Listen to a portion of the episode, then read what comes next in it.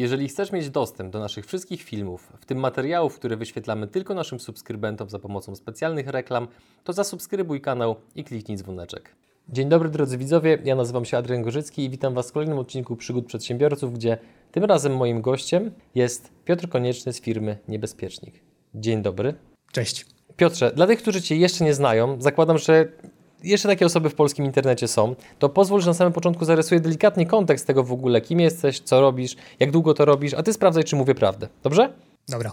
Prowadzona przez Ciebie firma zarabia na włamywaniu się do innych firm, tak jak robią to prawdziwi cyberprzestępcy, i na edukacji pracowników oraz zwykłych internautów tego, jak nie dać się schakować. Prawda? Tak jest. Włamaliście się dotychczas do tysięcy firm i z bezpieczeństwa przeszkoliliście kilkaset tysięcy Polaków. Dobre masz dane, zadziwiająco precyzyjne. Partnerami kanału są DPD, Twoi eksperci w doręczaniu, IBCCS Tax, spółki zagraniczne, ochrona majątku, podatki międzynarodowe. Kono, wspólnie budujemy sukces. Linki do partnerów w opisie materiału. E, byłem na jednym z e, Twoich szkoleń, włamałem się do Twojego komputera i tam sobie sprawdziłem sobie parę rzeczy. Oczywiście to nie jest prawda, że się włamałem. E, to zanim przejdziemy do głównego wątku, jakim jest poruszenie kwestii cyberbezpieczeństwa w początkującej firmie, to ja chciałbym się jeszcze Ciebie zapytać, mm, bo na pytanie, z jakiej jednej rzeczy w swojej karierze jesteś najbardziej dumny, odpowiedziałeś z zachowania całkowitej niezależności. Co to znaczy dla Ciebie jak to osiągnąłeś? Wiesz co, wydaje mi się, że ja nie jestem osobą, która e, łatwo idzie na kompromisy. Nie oznacza to, że nie pójdę na jakiś kompromis, ale często mam pewną wizję taką od a do Z i bardzo e, cenię sobie niezależność. E, nie lubię, jak ktoś mówi mi, co mam myśleć, co mam robić. E, oczywiście w mojej karierze pracowałem też dla kogoś i czasem pewne pomysły na prowadzenie projektu czy wykonanie jakiejś rzeczy, które ja miałem, nie do końca spotykały się z wizją przełożonych, czy generalnie były ograniczane pewnego rodzaju obostrzeniami, tak to nazwijmy. E, I to jest coś, co, co zawsze mnie tak uwierało i powiedziałem sobie wtedy, że jeśli kiedyś będę robił coś swojego, e, to nie ma mowy, żeby ktoś mi coś narzucił. I w branży, w której działam teraz, takie narzucanie dalej jest możliwe, bo e, niebezpiecznik to poza tym, co wspomniałeś, czyli włamywaniem się do innych firm, gdzie w zasadzie mamy pełną niezależność, czy szkoleniem, gdzie też jest to nasze autorskie działanie, no to mamy jednak serwis internetowy. I tutaj już pojawiają się naciski. Od strony tego, że na przykład kancelaria prawna obsługująca pewną firmę nie do końca jest zadowolona z tego, jak wybrzmiał pewien artykuł, albo już na etapie zbierania jakichś informacji ktoś ma pomysł na to, jak my po powinniśmy pewien temat e, poruszyć. I, i, I tutaj cieszę się z tego, że e, jesteśmy w 100% e, niezależni, zarówno ja, jak i koledzy z redakcji, i tą niezależność sobie cenimy ponad wszystko, co oznacza, oznacza, że do tej pory e, nie mieliśmy takiej sytuacji, która no niestety spotkała wiele innych e, serwisów, media czy prasę, gdzie ktoś po publikacji artykułu zwróciłby się do nas, powiedział: Nie podoba mi się to, oczekuję, że to zdejmiecie i my się przychyliliśmy ku tej prośbie. Robimy bardzo dużo, żeby tak odrobić swoją pracę domową, tak ubrać słowa temat, który mamy, bo niezależność nie oznacza braku obiektywizmu. Ten obiektywizm musi być, natomiast trzeba tak podać pewną informację, która czasem dla kogoś może być niewygodna, ale ona z naszego punktu widzenia jest istotna, ludzie muszą o niej wiedzieć e, i podajemy ją i nie jesteśmy chętni na to, żeby później zmienić raz wypowiedziane słowa. To jest dla mnie taka, taka podstawa biznesu, taki komfort, który, e, który pozwala mi po prostu, wiesz, spojrzeć sobie w twarz, w lustrze i powiedzieć, e, robisz to dobrze, wciąż robisz to dobrze. Czy to, że nie zawsze idziesz na kompromisy, powodowało że głównie osiągałeś sukcesy w życiu, czy jednak miałeś z tego tytułu pewne trudności? Na ile skuteczna jest nie, ta wiesz, to, to, to, że nie idzie się na kompromisy, nie oznacza, e, że, że nie popełnia się błędów. E, oczywiście e, wiele moich decyzji było błędnych, ale moim zdaniem elementem zdobywania pewnego doświadczenia jest popełniać błędy. Ja wiem, że teraz modne są różnego rodzaju coachingi i informowanie ludzi o tym, że wszystko robisz jak najlepiej. Jeśli przeczytasz tą książkę, to będziesz wszystko wiedział, nie popełnisz żadnych błędów ale moim zdaniem czasem pewnych porażek trzeba doznać, e, bo z tych porażek, oczywiście w zależności od osoby, można wyciągnąć pewne bardzo wartościowe informacje z takiej retrospekcji i później te informacje no, przekuć na kolejne już sukcesy, czyli zobaczyć, co mi poszło nie tak, w jaki sposób można do tematu podejść. Ja jak obserwuję siebie, teraz tak to e, zabrzmi e, w sposób taki stetryczały, ale jak obserwuję siebie i tą zmianę, która w mojej osobie nastąpiła na przestrzeni ostatnich lat, e, to wiem, że byłem mniej chętny do pójścia na kompromisy e, na początku może mojej kariery. Zresztą w ogóle w naszej branży, w branży IT jest dużo osób, które mają wrażenie, że wszystko wiedzą najlepiej. Ja z czasem zauważam, że e, im więcej zdobywam informacji, tym bardziej wiem, jak niewiele wiem i mam pewien szacunek do różnych innych wizji. O ile kiedyś mógłbym się, wiesz, wykłócać, flameować, udowadniać swoją rację, bo pewien element być może jakiejś rywalizacji e, czy chęci pokazania, że ktoś jest lepszy, był dla mnie istotny. Tak teraz raczej jestem otwarty na to, co e, mówi druga strona, nawet jeśli mamy inne poglądy, e, nie jest nam po drodze z czymś, staram się dostrzec ten element, pierwiastek tego, co może być takim, taką częścią wspólną. Nie wiem, czy to jest dojrzałość, czy być może jest to wynik podszkolenia się z technik negocjacyjnych, które też są bardzo istotne i tam umiejętność docenienia mm, swojego adwersarza jest jednym z elementów e, no, udanego wyniku takich negocjacji, spotkań, czy w ogóle jakichkolwiek e, ustaleń. Ale, ale właśnie te, te kompromisy, które kiedyś trudniej mi przychodziły, teraz przychodzą mi łatwiej, natomiast dalej obracam się w takiej granicy mm, pewnych moich wartości, zachowując tą niezależność i życzyłbym sobie chyba, żeby, żeby wszyscy, e, zwłaszcza teraz, kiedy nasze społeczeństwo, nie tylko nasze społeczeństwo, jest tak silnie spolaryzowane i niektórzy są e, w stanie nawet umrzeć za pewne e, idee, żeby zrobiło taki krok do tyłu i to, co myśli, to, co mówi, skontrastowało z innymi opiniami, nawet jeśli się z nimi nie zgadza i zastanowiło się, czy na pewno mam rację. Wielokrotnie, nawet różne badania naukowe, kolejne, pokazywały, że gdzieś popełniono błąd albo nieświadomie nie wyciągnięto odpowiednich wniosków, pominięto jakieś kwestie e, i dopiero w drugiej, trzeciej turze zauważono coś, co być może nawet diametralnie e, zmieniło cały sens badania, czy, e, czy do, doprowadziło badaczy do zupełnie innego wyniku. Ja teraz jestem jakby bardziej otwarty na to, że to, w co teraz wierzę, to do czego teraz jestem przekonany, to na czym teraz bazuję, kiedyś może z jakiegoś powodu wewnętrznego, zewnętrznego ulec zmianie i warto się po prostu na to przygotować. To przejdźmy teraz do głównego wątku całej dyskusji, czyli wyobraźmy sobie prawdopodobnie e, dość mało prawdopodobny scenariusz, gdzie zaczynasz totalnie od zera w wyniku jakichś tam zdarzeń, natomiast zachowujesz całą obecną wiedzę i doświadczenie.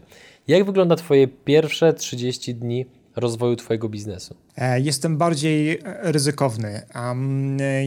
mam to do siebie, że swój biznes przez te 10 e, lat budowałem trochę tak jak zawsze grałem w gry strategiczne w Settlersów, czyli obudowywałem się różnego rodzaju zasobami, upewniałem się, że mam wystarczająco dużo i ludzi, i arsenału, i, i pomysł na pewną strategię i dopiero potem ją realizowałem. Z perspektywy czasu widzę, że większość z podejmowanych decyzji i mojego działania, to były dobre decyzje. E, natomiast mógłbym je z powodzeniem e, podjąć e, odrobinę wcześniej i więcej na tym zyskać, być bardziej dynamicznym.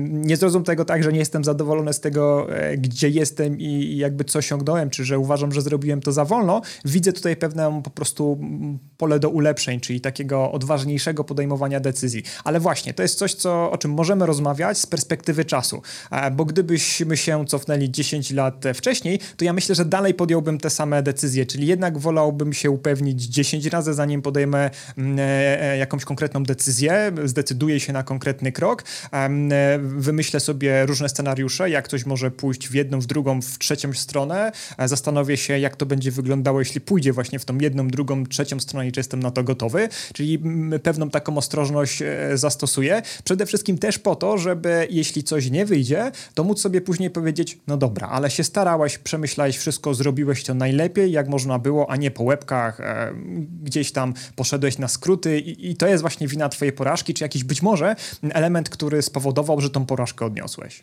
A w jaki sposób ty w tej chwili kalkulujesz ryzyko? Na ile, zaczynając powiedzmy nową działalność, wiedziałbyś, że dobrze, w tym obszarze mogę zadziałać dużo szybciej, dużo agresywniej, dynamiczniej, a w tym na przykład jednak trzeba właśnie wziąć na wstrzymanie, na chłodno, przeanalizować i tak dalej. Gdzie jest ten złoty środek? No, to myślę, że to jest e, odpowiedź na to pytanie, to co najmniej trzy czy cztery e, książki. Generalnie w naszej branży, branży bezpieczeństwa, ryzyko to jest coś, z czym na co dzień żyjemy. E, to ryzyko e, uczymy się, jak je szacować, jak je wkalkulowywać um, i e, zawodowe e, ryzyko jest czymś, co no, jest szalenie trudnym do, do określenia, bo funkcjonuje w naszej branży takie powiedzenie minimalizuj ryzyko do akceptowalnego poziomu, ale nikt cholera nie definiuje tego akceptowalnego akceptowalnego poziomu i on tak naprawdę zmienia się nawet z minuty na minutę, w zależności od tego, w jakim biznesie działasz, w jakiej części swojego biznesu działasz. E, nawet jak już działasz w tym biznesie i wyszacowałeś sobie odpowiednio ryzyko, wiesz, co cię może uderzyć, jakie są zagrożenia, to trochę inne negatywne skutki, czyli zmaterializowanie się tego ryzyka, będziesz mieć, jeśli dany problem zdarzy ci się w Polsce, a inny, jeśli zdarzy się na przykład w Dubaju, tak? bo są inne przepisy prawne, i to też może być e, coś, co powinieneś wziąć pod uwagę. Także do szacowania ryzyka jest bardzo wiele parametrów i ja jeśli podejmuję jakąś decyzję, zwłaszcza decyzję biznesową, e, no to staram się trochę e, popatrzeć na to jak, jak szachista, czyli nie tylko w krótkoterminowym okresie, czy to będzie coś, co pozwoli nam być lepszym, szybszym, wydajniejszym i generalnie na plus, ale w długoterminowym ujęciu, czy to jest decyzja, która rzeczywiście rzeczywiście prowadzi nas do tego celu, który mamy mm, założone, że chcę tam być za dwa lata, za pięć lat czy za 10 lat, czy, czy długofalowo, e, zbliża nas do tego. No i jeszcze jest ten element takiej, nazwijmy to, etyczności czy samopoczucia, może właśnie tej niezależności, e, gdzie e, trzeba się dobrze czuć z tą podjętą decyzją, bo w biznesie dla niektórych duże znaczenie ma, mają finanse, dla innych szalenie ważna jest etyka czy pomoc innym. Trzeba umieć to wypośrodkować i, i, i czasem pewne ryzyko, no niestety trzeba wkalkulować. I powiem Ci o takiej e, sytuacji bez e, może wskazywania konkretnych nazw firm, ale jeśli wyobrazisz sobie jakiś serwis internetowy, do którego się e, logujesz, e, to do takiego serwisu dzisiaj praktycznie wszyscy logują się na panelu logowania, który ma zieloną kłódkę, czyli jest to takie HTTPS. Login i hasło przekazujesz w bezpiecznej formie. Nawet jeśli ktoś kontroluje Twój e, segment sieciowy, to on tego nie zobaczy, bo te informacje przechodzą za zaszyfrowane.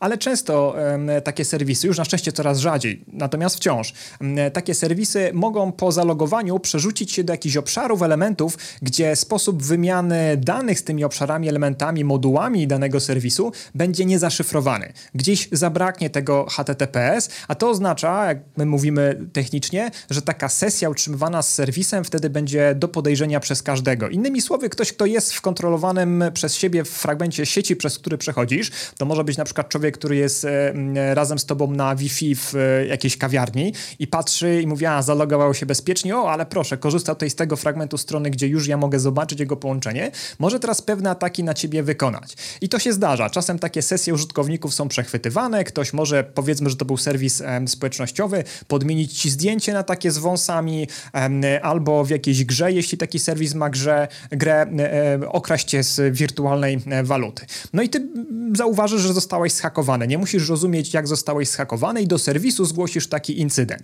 No i teraz zbliżając się do setna odpowiedzi e, na pytanie, mm, o co chodzi w tym ryzyku, taki serwis spojrzy na to zgłoszenie i powie, no tak, e, no to ewidentnie jest nasz błąd, bo my pozwalamy w niektórych specyficznych przypadkach, nie zawsze, nie u każdego, tylko u tych użytkowników, którzy są akurat na wspólnym hotspocie i jeszcze obok jest atakujący, no to nie jest sytuacja e, codzienna i ten atakujący ma odpowiednią wiedzę, przechwycić sesję danego naszego użytkownika. I na tym tracimy, bo taki użytkownik teraz nam zgłasza problem, my musimy go obsłużyć i musimy jakoś zadośćuczynić temu użytkownikowi, no ale z reguły voucher na 100 zł na zakupy w jakimś elektromarkecie, powiedzmy, że rozwiązuje ten problem i serwis, o którym mówię, w taki sposób ten problem rozwiązywał. W skali miesiąca e, takich sytuacji było dla uproszczenia 10, czyli mamy 100 złotowych voucherów 10, około 1000 zł, można powiedzieć w liczonej, skalkulowanej kalkulowanej e, straty czy kosztu, który ponosimy, dlatego że akceptujemy pewne ryzyka. Dlaczego my je akceptujemy? Moglibyśmy ten błąd usunąć, ale jeśli usuniemy ten błąd, to to od nas wymaga zatrudnienia zespołu programistów, przetestowania fragmentu kodu, być może dostawienia odpowiednich akceleratorów SSL-owych w serwerowni, nowej kolokacji, większych opłat i ktoś mądry, kto podliczył usunięcie tego problemu, który nam generuje tą stratę miesięcznie na wysokości 1000, powiedział, że w skali roku to jest około 150 tysięcy złotych. No to mamy z jednej strony um, 1000 razy 12, 12 tysięcy i 150 tysięcy po drugiej stronie. No i z jednej strony jesteś ideowcem e, i mówisz, kurde, no ale wszystkich użytkowników trzeba chronić, więc załatajmy to. A z drugiej strony masz biznes, który rządzi się tym, że przede wszystkim to się hakuje, ale w Excelu i trzeba popatrzeć na finanse. Jeśli ja z punktu widzenia na przykład szefa zespołu bezpieczeństwa w takim serwisie, e, ktoś by do mnie przyszedł i powiedział, e, Piotrek, musimy ten błąd załatać, bo tutaj użytkownicy tracą pieniądze i nie zrobiłby wcześniej tej analizy, ile kosztuje samo załatanie, pozbycie się tego e, problemu i że jest to droższe i nieopłacalne, no to chyba umożliwiłbym mu rozwój w innej firmie. Mm, to jest właśnie akceptowanie ryzyka. No niestety nie dogodzimy każdemu, kogoś musimy poświęcić. Tutaj ten serwis poświęcał średnio 10 użytkowników w skali miesiąca, no czyli około 100 takich użytkowników e, w skali roku. Pytanie, czy to jest etyczne, czy nie? No pewnie nie do końca, ale z drugiej strony, czy gdyby wydali pieniądze na usunięcie w 100% tego błędu, zakładając, że na przykład chcą się sprzedać za jakiś czas i to już będzie inne zmartwienie, wiesz, tu już wchodzą takie e, kwestie e, kreatywnego zarządzania finansami. I teraz popatrz, jak się zmienia ryzyko, bo w listopadzie, po takim powiedzmy 11-miesięcznym działaniu tego błędu, tej podatności, akceptowaniu negatywnych skutków, które wynikają z tego błędu, e, pojawia się pewna ofiara, która tak się składa, że jest córką znanego dziennikarza i skarży się swojemu e, tatusiowi, że no, ta firma, gdzie ja mam konto, moje konto jest przejęte, doznałam szoku i traumy. I teraz ta telewizja wpada na genialny pomysł, że podjedzie pod siedzibę twojej firmy, twojego serwisu internetowego i zacznie pytać ludzi na ulicy, ma pan konto tutaj? No tak, mam, każdy przecież ma. A, a czy wie pan, że jeśli korzysta pan z hotspota w PKP czy w jakiejś kawiarni, to ktoś może panu przejąć konto, wykrać dane i tak dalej, i tak dalej. No nie, nie wiedziałem. I to jest grane przed każdymi na przykład większymi wiadomościami, no to już pojawiają ci się dodatkowe koszty, których wcześniej nie uwzględniłeś, bo ich nie było. Na przykład medialna nagonka, czarny PR. Sami użytkownicy widząc coś takiego zaczynają wątpić w to, czy twój serwis jest bezpieczny, zaczynają robić akcję odpływu na inny konkurencyjny serwis pod jakimś hashtagiem uciekamy e, i trochę się te poziomy ryzyka zmieniają i teraz być może warto było powiedzieć, trudno, e, zmieniła się sytuacja, przerywam, nie akceptuję już więcej tego ryzyka, usuwam ten błąd, chociaż będzie mnie to kosztowało 150 tysięcy złotych, bo jak tak dalej pójdzie, to jutro odkręcenie tego samego czarnego PR-u, straty z reklam związane z tym, że użytkownicy mi odpłyną, no to będzie już 200-300 tysięcy złotych. Kiedy zakręcić ten kurek, kiedy załatać tę podatność? To właśnie jest ta trudna sztuka analizowania, ciągłego analizowania ryzyka i zrozumienia, że samo bezpieczeństwo mm, to jest proces, a nie produkt. Nie możesz sobie kupić 5 kilo bezpieczeństwa dzisiaj i mieć rozwiązany problem na 5, 10 czy 20 lat, nie zaglądać więcej w dany obszar, e, tylko niestety jako proces musisz doglądać tego, co zmieniłeś, weryfikować, czy ta zmiana jest dalej aktualna, ulepszać być może nowe rzeczy w obszarze, w którym dany proces e, wprowadziłeś i reagować przede wszystkim na to, jak zmienia się środowisko wokół e, tego procesu. No i to jest właśnie taka długa historyjka na to, żeby pokazać, jak to ryzyko ryzyko, e, zwłaszcza w tej branży bezpieczeństwa e, i zabawy tym ryzykiem mogą się e, skończyć albo poparzeniem, no albo właśnie przez lata unikaniem bardzo ogromnych kosztów. Wiele zależy od środowiska zewnętrznego, czyli takie monitorowanie tego, co się dzieje, trzymanie ręki na pulsie, szybka reakcja to moim zdaniem jest kluczowa rzecz i podstawa, żeby tym ryzykiem dobrze zarządzać. To pozostając w temacie tego, że bezpieczeństwo to jest proces, a nie produkt, to na jakie elementy początkująca firma powinna zwrócić uwagę, żeby od samego początku przestrzegać takich powiedzmy dobrych praktyk w obszarze cyberbezpieczeństwa? Co jest istotne, Co jest przez takie firmy bagatelizowane? Jakie są ryzyka? Och, no firm są tysiące, w zależności od tego, w jakiej branży dana firma działa, e, co jest najważniejsze dla tej firmy, tak powinno się ułożyć e, bezpieczeństwo, bo bezpieczeństwo to jest taka warstwa, którą dokładasz do tego, co już masz. To wcale niekoniecznie musi być najważniejsza rzecz. Ja wiem, że to dziwnie brzmi, bo ja jestem całym sobą za bezpieczeństwem, ale czasem no, bezpieczeństwo zupełnie słusznie traktowane jest jako koszt i na zwłaszcza wstępnych mm, elementach budowania firmy nie poświęca się mu wystarczająco dużo uwagi. Gdyby się tę uwagę poświęciło na początku e, budowania jakiegoś rozwiązania, to okazałoby się, że można pewne decyzje podjąć mądrzej, roztropniej i w taki sposób, że za 3-4 mm, miesiące, kiedy jesteśmy gotowi, żeby wyjść na rynek i zauważamy pewien problem z bezpieczeństwem, to odkręcenie tego problemu może być 10-20-krotnie droższe. No jest tak e, jak krzywa covidowa, trochę eksponencjalna, e, która rośnie i, i, pokazuje ci, jak z czasem zmienia się koszt obsługi błędu po wykryciu go przez klienta, to już jest kaplica, po wykryciu go na testach trochę lepiej, ale dalej drogo, czy na, etapie kartki i papieru, kiedy planujesz jakieś rozwiązanie i wybierasz odpowiednią technologię, bezpieczniejsze rozwiązania, żeby to, co masz w głowie, e, zbudować. Jeśli miałbym doradzić coś em, firmie, która nie ma żadnego profilu, to chyba odpowiedź na początku na jedno bardzo ważne pytanie. Co dla Was jest najważniejsze? Czy to jest algorytm, bo trochę trochę inaczej chroni się kod źródłowy przed wyciekiem.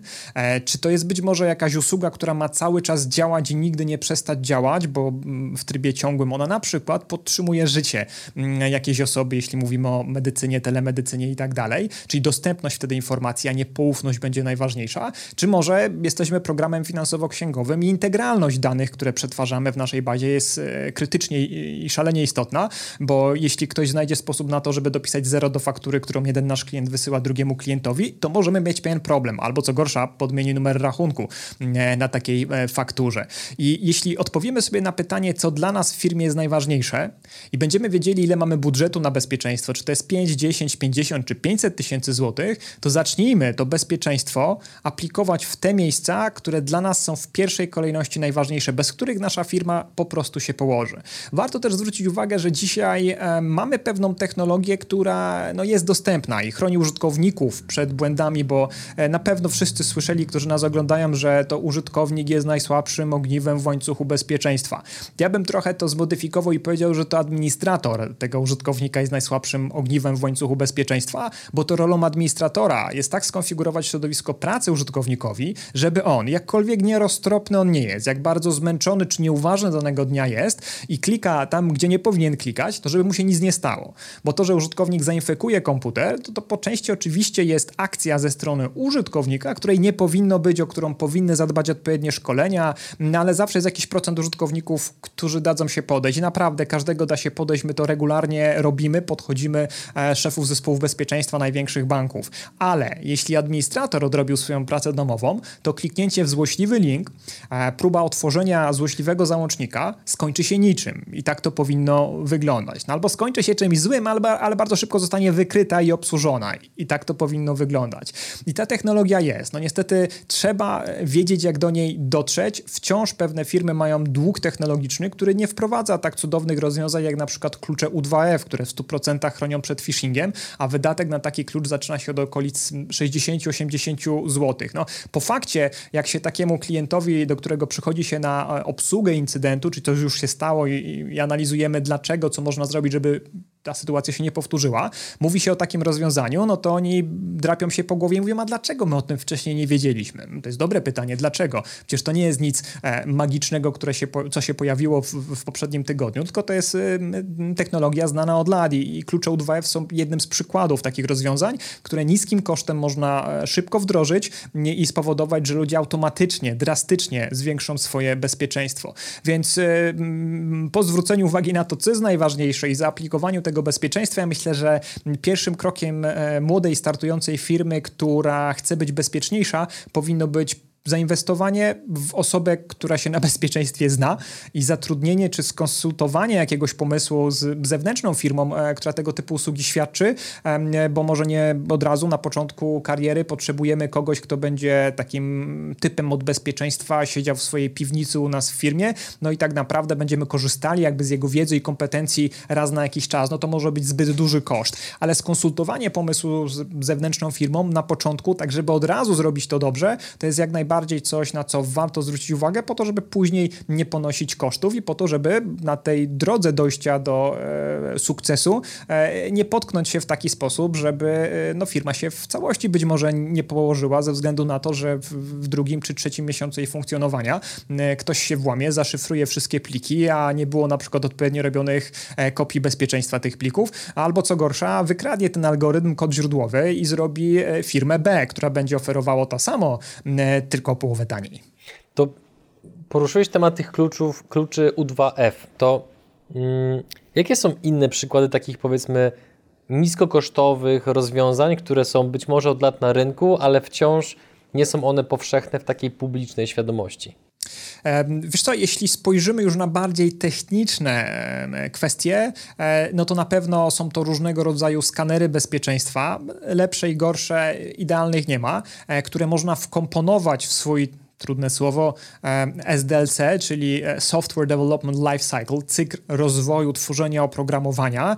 Jeśli mówimy tutaj oczywiście o firmach, które tworzą takie oprogramowanie, właśnie po to, żeby na samym początku odpowiednio zaprojektować taki proces tworzenia oprogramowania, zadbać o to, jak programiści kod tworzą, czy tworzą w parach, kto go weryfikuje, czy są odpowiednie kopie bezpieczeństwa, później skanować taki kod statycznie, czyli mówiąc wprost, patrzeć, czy ktoś nie napisał głupoty w kodzie i to zarówno człowiekiem patrzę, czyli drugim programistą na przykład. Najlepiej, mm, jeśli jakiś członek naszego zespołu programistycznego ma drugiego, który, z którym się nie lubi, nie znosi, to dobierzmy ich w ten sposób w parę, niech oni weryfikują swój kod, wtedy e, podświadomie będą chcieli sobie jak najbardziej zaszkodzić, dokuczyć i będą e, no, starali się bardziej, żeby znaleźć u tego kolegi, którego nie lubią jak najwięcej błędów, więc są takie proste zagrywki. E, później dorzucając do tego tą technologię, o której mówię, czyli te skanery bezpieczeństwa, które można zapiąć znowu statycznie, dynamicznie. Nie chcę tutaj wchodzić wchodzić w technikalia, bo to pewnie nikogo nie będzie interesowało, ale e, są takie frameworki, to na przykład Microsoft zrobił cudowny, można powiedzieć taki otwarty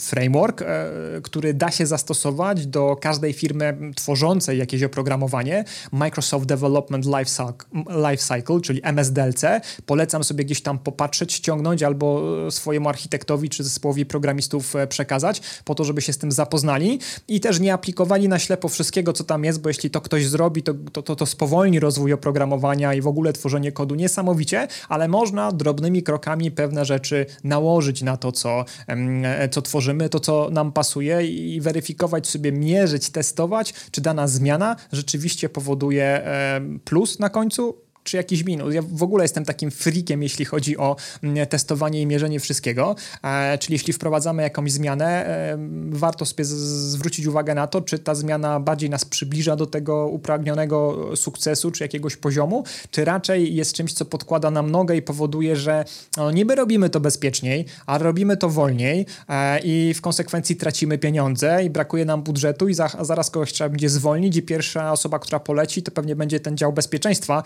czy szef zespołu bezpieczeństwa, bo dużo zarabia, no a w zasadzie to jest niepotrzebne, bo nikt nas nie atakuje. Więc tutaj spojrzenie na to w, w, w taki sposób, biorę tylko to, co chcę, wdrażam częściowo, testuję, czy to mi pasuje, jest takim no, dobrym spojrzeniem. To zresztą nie jest nic odkrywczego, bo e, zapewne kojarzysz taką niewielką firmkę, która się nazywa Google.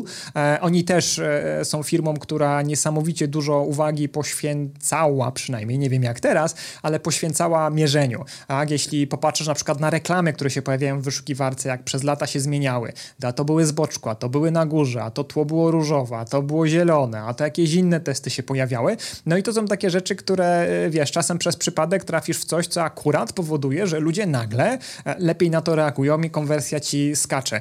Mm, myślę, że tutaj Michał e, Sadowski, jeśli ktoś go obserwuje na e, fejsie, to może popatrzeć na to, jak czasem Michał e, opowiada o różnych rzeczach, zmianie wielkości przycisku, czy przebudowaniu landing page'a, chwaląc się tym, jak zaobserwował, jak to wpłynęło na, na lepszy cashflow w konsekwencji. Więc to są takie fajne rzeczy, takie eksperymentowanie, czy to pięknie się nazywa teraz growth hacking, a jednak hacking, tak, które, które przybliża nas do celu, ale robimy to inteligentnie. Pewnie warto się powzorować na innych i jak to zrobić robili, takich otwartych informacji, case studies e, z tego, co działa w danej firmie, co nie działa, co się sprawdziło. Jest wiele. Pytanie, czy po przełożeniu na nasz polski rynek e, albo na produkt, który my tworzymy, specyfikę naszej pracy, to będzie jeden do jeden do przełożenia. A raczej nie, ale na pewno jeśli mamy inteligentną osobę w zespole, ona może się zainspirować i zauważyć jakieś fragmenty, e, które warto mm, wdrożyć zarówno pod kątem procedur, postępowania, czy właśnie konkretnych narzędzi, e, które mogą być, e, mogą być przydatne i sprawić, że my będziemy bezpieczniejsi, czy w konsekwencji szybciej wyprodukujemy, bezpiecznie wyprodukujemy jakiś konkretny produkt e, czy usługę. To biorąc pod uwagę to, że z tym materiałem generalnie będzie zapoznawać się no, dość szeroka grupa osób, gdzie ciężko jest zdefiniować, że oglądają nas tylko ci albo tamci, to chciałbym Cię zapytać o dwa narzędzia, które na 99% używa prawdopodobnie każdy przedsiębiorca, czyli mail oraz smartfon. Jakie błędy, być może nieświadome, popełniają użytkownicy w ramach maila, a jakie w ramach smartfona i co warto robić, żeby z tych dwóch narzędzi korzystać w sposób bezpieczny? Mhm. E, jeśli chodzi o maile, to to jest e, technologia, która pojawiła się ponad około 50 lat temu i ona za bardzo się nie zmieniła. E, czyli była projektowana w sytuacji, w której internet dopiero raczkował, jeszcze chyba nawet nie był nazywany e, internetem. E, dostęp do niego miała ograniczona liczba osób, zaufana liczba osób i był to projekt zamknięty. A teraz to samo narzędzie wykorzystujemy w sieci otwartej, w której są wszyscy i, i, i, też osoby, którym nie ufamy. Do czego dążę? Dążę do tego, że mail z definicji nie jest bezpieczny. I cokolwiek byśmy nie robili, to jest trochę takie reanimowanie trupa. Jeśli komuś zależy na bezpieczeństwie, to raczej nie mail. Raczej polegałby, polecałbym e, skorzystanie z na przykład komunikatorów e, szyfrujących komunikację punkt-punkt. Signal, WhatsApp. E, to są przykłady dwóch takich komunikatorów. I tutaj pięknie możemy zmigrować na chwilę na te aplikacje mobilne czy też smartfona, bo jeśli spojrzysz na te dwa komunikatory, to niby robią to samo, ale jednak trochę inaczej. WhatsApp tak naprawdę pod spodem ma technologię Signala i to jest bez bezpieczna technologia, ale WhatsApp e, jest e, produktem, który jest stworzony, kontrolowany przez e, Facebooka.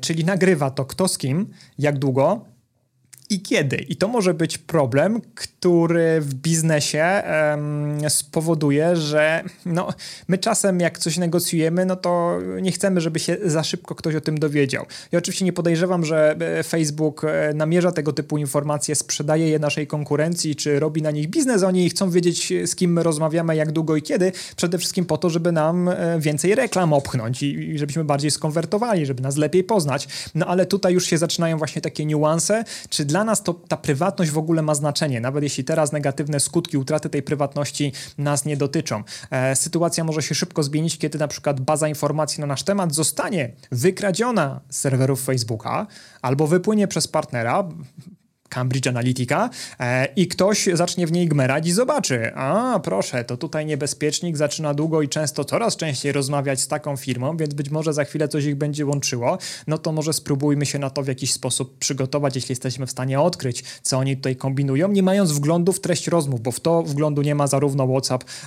jak i Signal, więc e, e, ta, ten element prywatności jest tutaj ważny. Wracając do tego, do tego maila i w zasadzie komunikacji, do zabezpieczenia tej komunikacji, to staramy starajmy się wykorzystywać te mechanizmy, które pozwalają nam na wygodne komunikowanie się w sposób szyfrowany end-to-end encrypted. E2EE e to jest taki cudowny skrót i to w skrócie oznacza, że my na naszym urządzeniu, smartfonie y, czy w przeglądarce internetowej, jak wpisujemy wiadomość, to ona jest szyfrowana tu i teraz i przez cały internet, przez różne serwery przechodzi jako wiadomość zaszyfrowana, dopiero nasz odbiorca mają rozszyfrowaną, więc tylko ja i odbiorca wiemy o czym rozmawiamy. I każdy, kto patrzy mnie i mojemu odbiorcy przez ramię. I o ile szybko i łatwo zauważymy, że ktoś jest za nami i nam patrzy przez ramię, no to nie tak szybko, nie tak łatwo zauważymy, że mamy na naszym smartfonie małego przyjaciela. W Polsce teraz bardzo popularny, głośny i medialny jest oczywiście Pegasus. I Pegasus jest przykładem takiego właśnie oprogramowania, które jest niczym innym jak ktoś, kto patrzy nam cały czas przez ramię e, na ekran naszego smartfona. I co z tego, że korzystamy z bezpiecznych rozwiązań, jeśli będąc na tej końcówce komunikacyjnej, smartfonie moim albo smartfonie mojego rozmówcy, taki Pegasus widzi, co my do siebie piszemy, ba, on jeszcze może aktywować e, mikrofon czy kamerę i zobaczyć wszystko to, co nasz smartfon czy mikrofon widzi, więc idealne narzędzie do inwigilacji. I e, wszystkich, którzy się przerażają, e, prowadząc biznes, że będą inwigilowani, uspokoję. Jeśli nie robicie karuzeli watowskiej albo naprawdę grubego, dużego przekrętu, to jest znikła szansa, że przynajmniej nasa, nasza służba, ta jedna, jedyna, która oficjalnie Pegasusa e, posiada, się wami zainteresuje, bo taki Pegasus ma licencję, czyli mówiąc wprost, trzeba spalić licencję na konkretną osobę i równocześnie możemy mieć N inwigilowanych osób.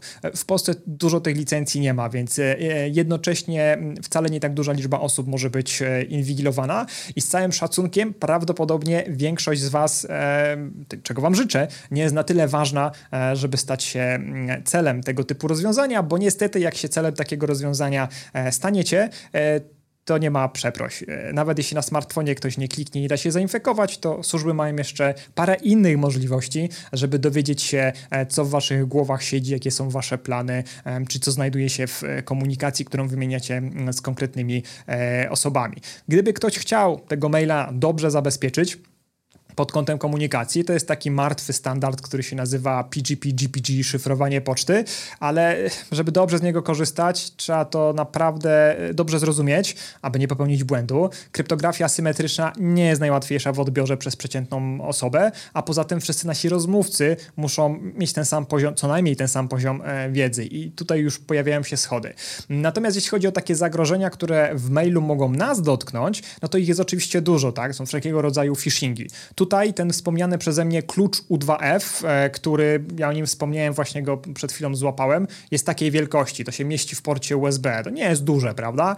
Chowamy sobie w port USB i podczas logowania, jak go odpowiednio skonfigurujemy w danym serwisie, dotykamy i to jest ten drugi składnik. Poza loginem i hasłem ktoś, kto chce przejąć nasze konto, nawet jak nas złapie, my to, to nasze hasło mu damy, tak, on nie podejrzy przez ramię, wyłudzi na fałszywej stronie podrobionej, identycznie wyglądającej jak punkt logowania do jakiegoś serwisu, to jemu to nic nie da, bo potrzebuje właśnie jeszcze fizycznie tego czegoś, co my mamy w naszym komputerze w porcie USB. My to dotykamy i dopiero wtedy serwis nas wpuszcza. To jest świetne rozwiązanie i to, nam, to nas zabezpiecza przed atakami phishingowymi. Natomiast dzisiaj e, w strukturze takiej bardziej korporacyjnej e, ci, którzy decydują się na budowanie swojego serwera pocztowego, no to już powinni mieć jakiś dział IT, który będzie dbał o to, żeby odpowiednio mm, taki serwer pocztowy skonfigurować, zapewnić mu wydajność i bezpieczeństwo, wgrywać aktualnie aktualizację, bo każde oprogramowanie, czy na smartfonie, czy na serwerze pocztowym, prędzej czy później jakąś dziurę, jakiś problem złapie i czas reakcji jest szalenie ważny. Musimy szybko wgrać poprawkę,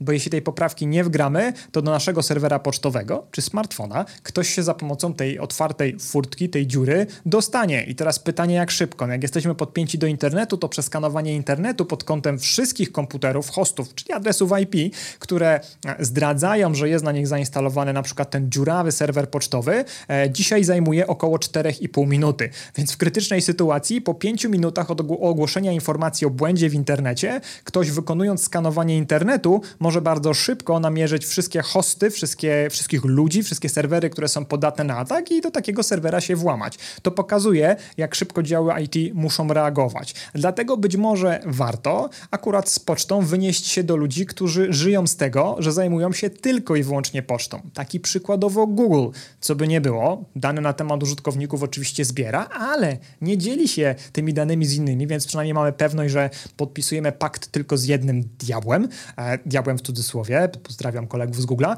E, działał zespołu bezpieczeństwa w Google, zresztą składa się też z Polaków, bardzo inteligentnych e, e ludzi i taki Gmail, e, czy też e, jego wersja dla firm, bo jest taka wersja, to jest coś, co rekomendowałbym każdemu, kto może tylko z tego typu usług od strony prawnej korzystać, tak? czyli wykorzystywać serwery pocztowe, do których no, wgląd bądź co bądź mają administratorzy Google, które mogą być hostowane gdzieś za granicą i będą przechowywały e, ważne dla nas biznesowo, być może najważniejsze e, informacje. Ale jeśli mówimy o Gmailu, to moim zdaniem i ten dla firm, i ten prywatny, to jest poczta, która ma bardzo dobrze poukładane bezpieczeństwo. Ona cię ostrzeże. Jeśli ktoś, kto jest twoim znajomym, nagle napisał z innego adresu e-mail, czyli potencjalnie może to być atak.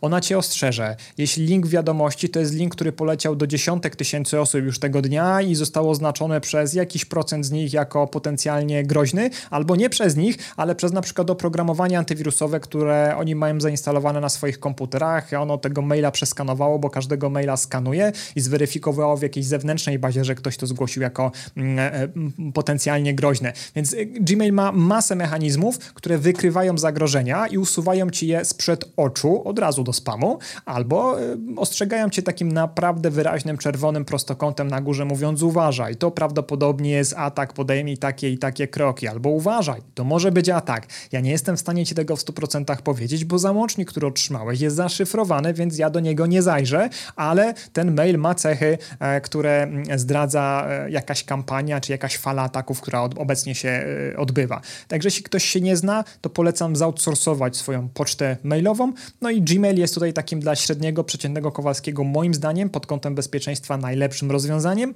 no niekoniecznie pewnie pod kątem e, prywatności, no ale to trzeba sobie wybrać teraz, czy dla mnie jest ważniejsze bezpieczeństwo, potencjalna strata być może wszystkich finansów z mojego konta w banku, jeśli dostanę fałszywego maila i dam się na niego nabrać, kliknę, przejdę e, i zapłacę nie za to, za co chciałem, oddając kontrolę nad moim rachunkiem bankowym przestępcy, czy właśnie prywatność, e, która no, zyskuje coraz bardziej na znaczeniu e, i której straty wprost e, większość osób nie odczuwa odczuwa, jeszcze nie odczuwa, czyli może się wydawać, że a, tam prywatność, kij z tym. Dla mnie ważniejsza jest ochrona e, tych moich e, finansów i to bezpieczeństwo, a prywatność niech Google robi co chce z moimi danymi. No jeszcze to jest możliwe. Pytanie, jak to będzie wyglądało w przyszłości. Tak na marginesie gdzieś ostatnio mi wpadło w oko, że e, jeśli, e, żeby pokazać jak, jak, działa, jak działać może naruszenie prywatności, chociaż wcale nie w złym e, celu, tylko w całkiem niezłym celu, e, to wyobraź sobie, że ktoś trafił na ślad badań e, opisanych przez Google i, i właśnie z, z, z tego, e, tej, z tej pracy naukowej wywnioskował, jak ten system działa. Mm, jeśli odwiedzasz restaurację, no to mając smartfona, Google wie, że jesteś w restauracji. E, jeśli następnego dnia albo za dwa dni zaczniesz googlać ze swojego konta informacje o zatruciu pokargo, po, pokarmowym, biegunce i tak dalej, czy jakieś inne keywordy zaczniesz wpisywać, sugerujące, że co, coś może być nie tak z twoim żołądkiem, e, czyli powiązane jest to, to e, z tym, co jadłeś, e, to Google zaczyna patrzeć na to, czy ty przypadkiem gdzieś ostatnio nie byłeś w jakiejś restauracji, czy się nie czekinowałeś, czy nie spędzałeś dużo czasu w jakimś jednym miejscu, którego adres pasuje do bycia w restauracji, nawet jeśli wiesz, nie wyjąłeś telefonu aktywnie, nie napisałeś, że jesteś w tej restauracji, i adresy tych miejsc wysyła do odpowiednika Sanepidu w Stanach Zjednoczonych, e, sugerując, że być może w danym e, lokalu gastronomicznym źle się dzieje. No czy to nie jest fajne? No oczywiście ucierpią e, być może mniejsze lokale gastronomiczne, które cię nie zatruły, bo na przestrzeni dwóch ostatnich dni mogłeś pojawić się w kilku takich restauracjach, lokalach, barach, no ale jeśli z twojego telefonu to zostało zrobione i zatrutych zostało pięć innych osób, to prawdopodobnie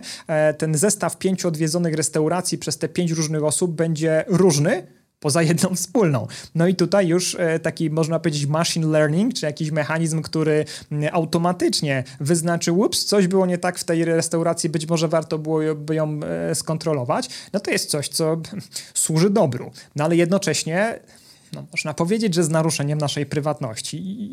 Czy, czy może ja odbiję teraz, wiesz, pytanie, co ty na to? Czy czułbyś się z czymś takim komfortowo?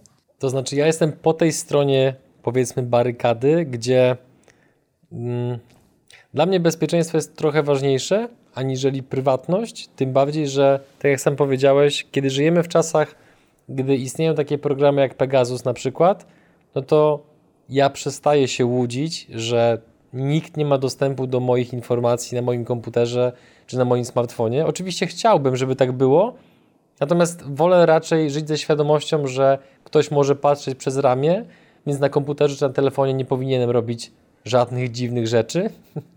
Niech tutaj każdy sobie wstawi dowolną myśl czy czynność, e, którą robi. Więc no, dla mnie bezpieczeństwo ma dużo ważniejszy priorytet, ponieważ nie chciałbym się obudzić pewnego dnia i nagle zobaczyć, że konto zostało wyzerowane, bo XYZ. Ale popatrz, możesz sobie na przykład e, rozbić swoje finanse na dwa konta albo trzy albo 15. I już w ten sposób chociażby zminimalizować ryzyko, czyli założyć, że kiedyś nawet, jeśli posłuchasz wszystkich mądrych rad, e, okaże się, że jest jakiś nowy atak, kurde, to jest możliwe. E, i ktoś jednak dojedzie ci to konto, niezależnie od tego, jak byłeś ostrożny, e, no to ty tak czy inaczej gdzieś część tych e, oszczędności zostawisz. To jest właśnie takie świadome budowanie czy przygotowywanie się na najgorsze. E, ja na przykład nie zakładam, że popełnię błąd, być może mogę to tak komfortowo powiedzieć, że stracę moje pieniądze w banku, bo mam go dobrze dokonfigurowanego, no ale czy ja przewidziałem taki scenariusz, wcale nie, nierealny, gdzie pracownik mojego banku dojdzie do wniosku, e, konieczny, no on ma tutaj tyle i tyle, to dawaj, wyrabiamy duplikat dowodu, bo przecież ja mam dostęp do wszystkich jego danych, danych. No i teraz y, ty, Janek, mój kolego z y, podstawówki, zjaw się w, tutaj w naszym oddziale, e, ucharakteryzuj się jako konieczny, to niewiele trzeba. Ja udam, że cię obsługuję, y, zweryfikuję ten fałszywy dowód, no wszystko się będzie zgadzało, więc wypłacę ci te pieniądze, no zbrodnia doskonała, ty mi odpalasz z tego połowę. E, tego typu rzeczy się zdarzają e, i zdarzały i prawdopodobnie będą się zdarzać. No obyśmy nie byli w grupie tych szczęśliwców, których e, wylosuje znudzony czy taki przebiegły pracownik bankowości, ale dane od ubezpieczycieli były e, wynoszone, e, dane z banków były wynoszone. Ba, te informacje wyciekają często bez konkretnego jakby negatywnego działania danej firmy, bo kontraktor, z którego usług korzysta dana firma może zawalić. I to może posłużyć do tego, żeby ktoś jednak nas gdzieś tam skrzywdził, chociaż my nie popełnimy żadnego e, błędu, więc to, że dla nas bezpieczeństwo jest najważniejsze, e, to jeszcze nie oznacza, że e, dbając o to bezpieczeństwo samodzielnie, jesteśmy w stanie e, uniknąć jakiegoś negatywnego skutku. I tutaj takie no, proste działanie, nie? Rozdysponuj to na kilka różnych banków, swoje oszczędności, e, daje ci taki komfort, że jak jeden z tych banków padnie, niezależnie od tego, czy to atak hakerów, czy załamanie się systemu, e, no to jesteś kryty przynajmniej w jakiejś tam części, a przynajmniej nie stracisz wszystkiego. A może jak już e, rozdystrybuujemy to pomiędzy różne banki, to wybierzmy te banki tak, żeby to były różne grupy bankowe, bo często w Polsce dwie różne marki banków okazuje się, że trzyma ten sam e, właściciel. Jak e, padnie jeden bank, to drugi też pada. A może w ogóle wszystkie pieniądze trzymane w Polsce to może nie być dobry pomysł. Gdyby się coś stało, to może jednak za granicą poszukajmy jakiegoś miejsca. I taka dywersyfikacja też jest elementem tutaj bezpieczeństwa, na który, no wiesz, masz wpływ, a nie jest to stricte techniczne, mm, stricte techniczne bezpieczeństwo. Natomiast e, wrócę jeszcze do tego, co powiedziałeś, że obawiasz się tego Pegasusa. E, to jest bardzo medialne i to jest trochę jak z tymi wypadkami samolotowymi, nie? Jak spadnie jakiś samolot, to w każdych wiadomościach będzie o tym mowa. Dlaczego? No dlatego, że raz jest to widowiskowe, e, makabrycznie widowiskowe, na dwa dlatego, że to się często nie zdarza. I tu jest ten problem my mamy wrażenie jako ludzie, my jesteśmy e, beznadziejni w szacowaniu ryzyka, w określaniu prawdopodobieństwa pewnych zdarzeń jako ludzie. No, nasz mózg nie jest do tego przyzwyczajony.